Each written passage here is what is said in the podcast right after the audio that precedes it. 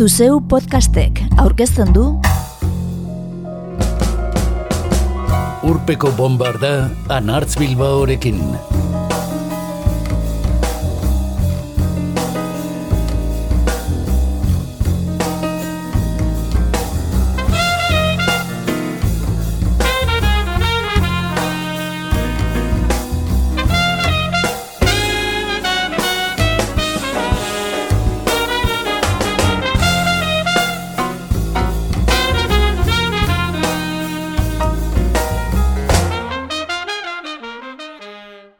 Urpeko bombardan gaur dantzan egingo dugu musika latinoaren erraldoi batekin, Tito Puenteren timbalekin.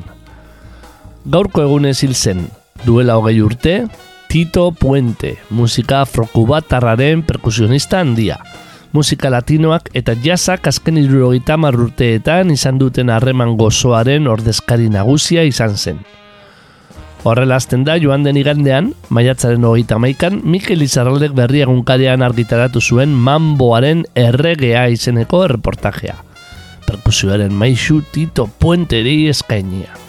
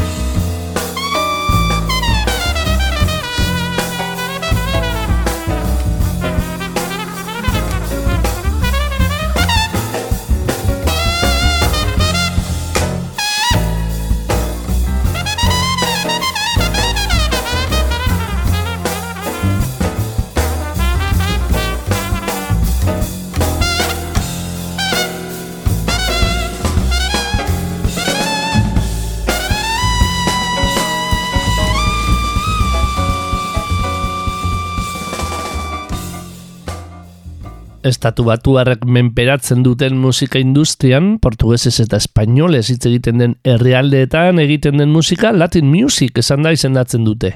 Berrogeita marreko amarkadan New Yorken bizizenen Puerto Rico eta Kubatar jatorriko musikariek izan zuten estandaz gerostik.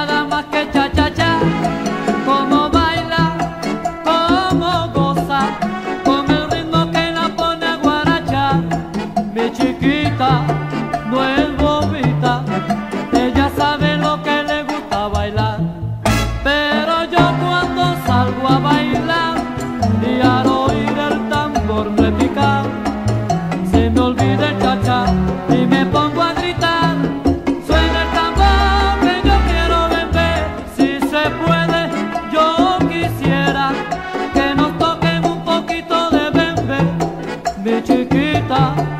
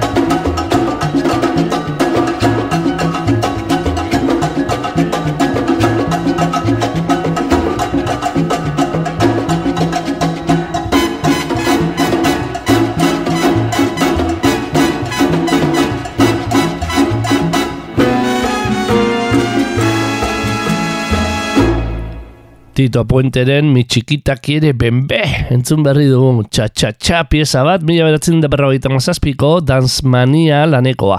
Perkusio jolearen diskorik salduena, eta seguruenera baita ezagunena ere.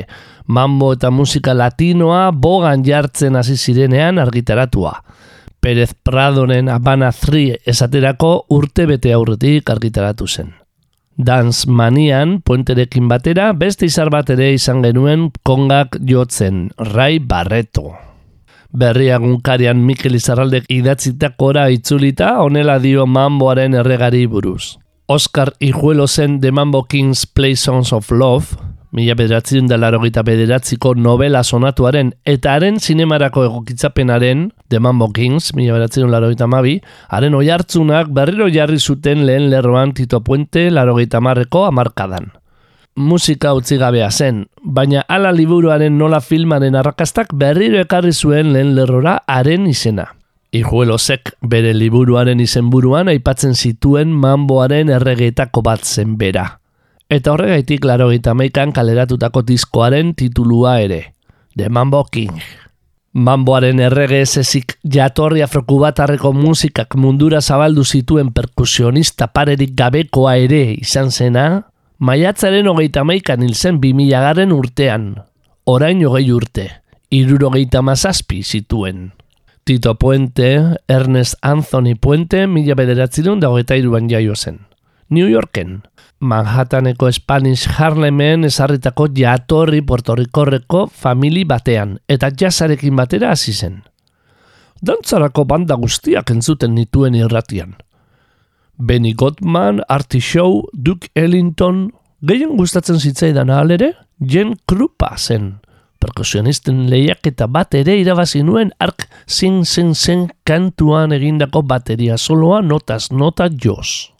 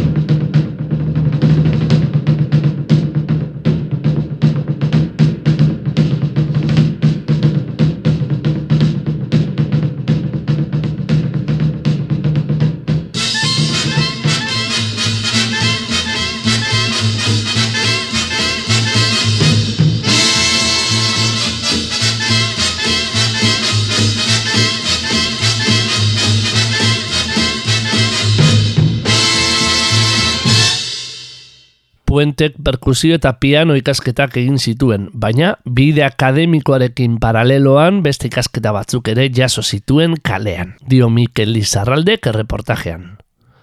Ordurako, Spanish Harlemen amaika orkestra latino aritzen ziren, eta Puentek bere ala ikusi zuen, han berak egin nahi zuen erako oinarria.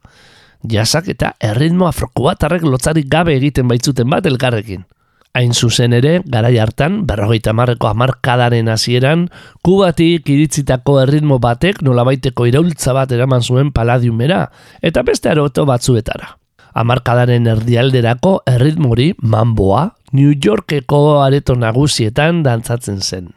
Ordurako puente mugimendu horren parte eta protagonista zen, eta bere hasi zen diskoak grabatzen. Ez bakarrik mambo diskoak, ordea. Beren lehen diskoetan jasak, jatorri afrikareko arritmoek eta toinu latinoek bat egin baitzuten komplexurik gabe.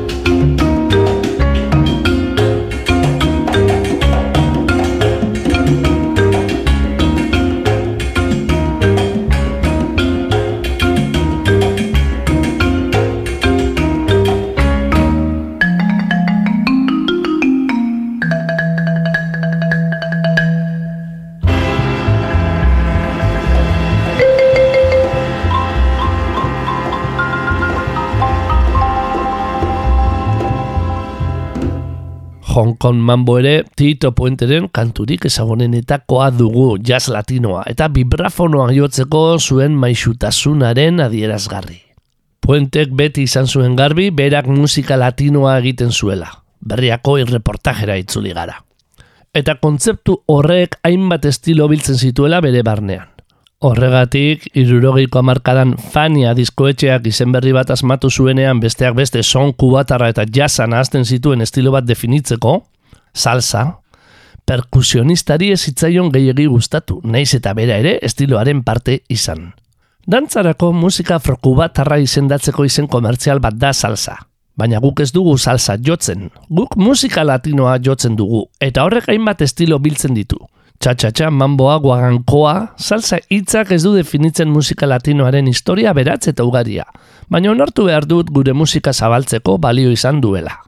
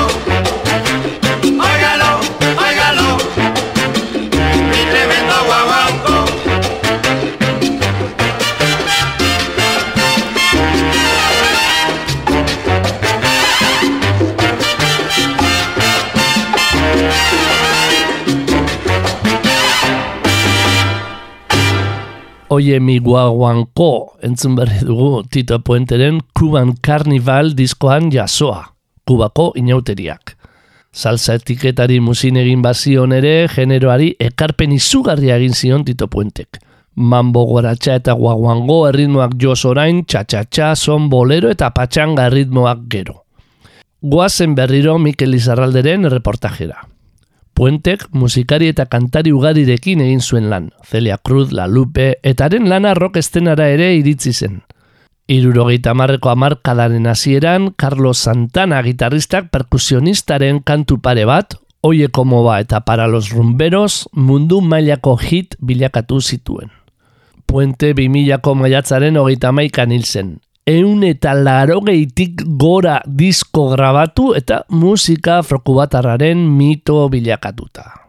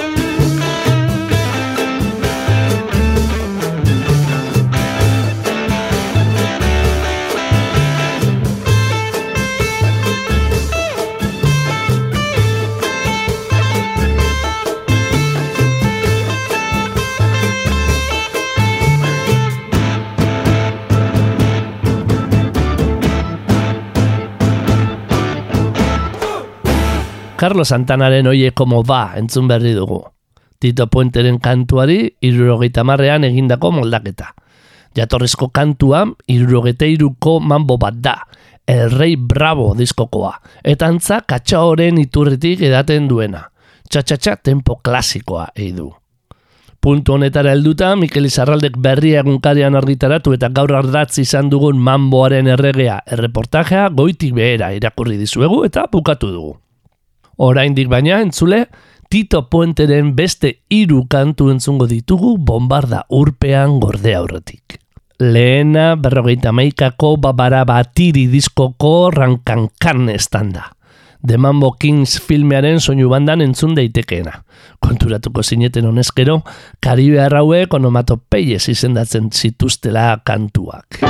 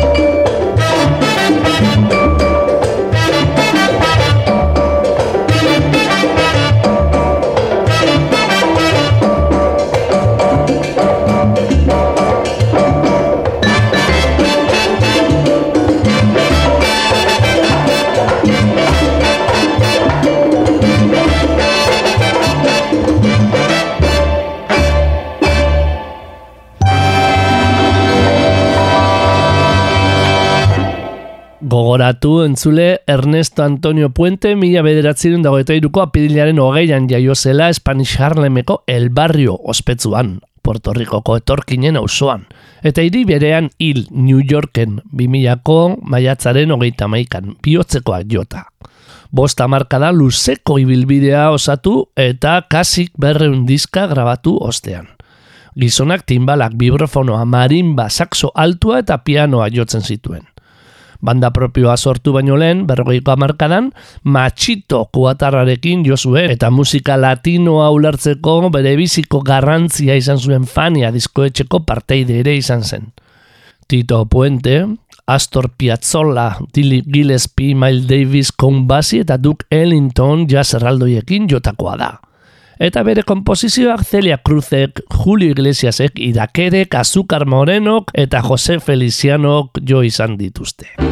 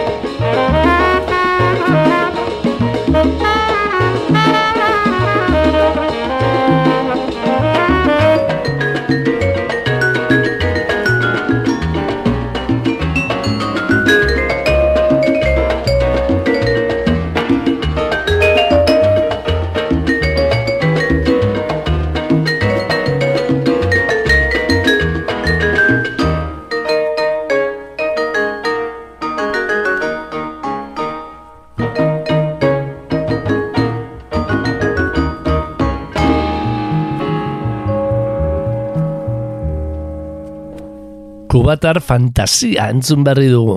Ray Bryantek sortua eta Tito Puentet moldatu edo konpondua. Berrogeita amaseiko Kuban Carnival lana izten duena. Eta Malibu Beat entzungo dugu orain. Saioari bukaera emateko berrogeita amazazpiko Night Beat laneko kantua.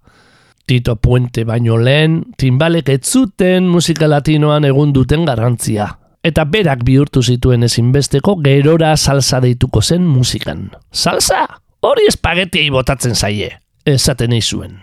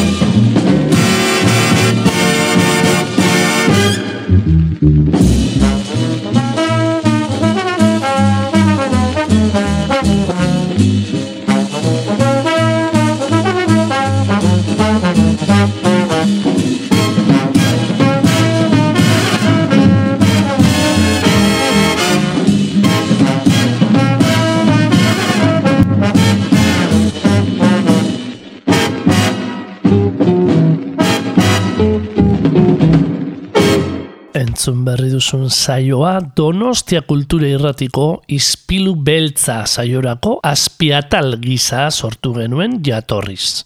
2008ko itxialdian edo. Eta orain berreskuratzea otu zaigu.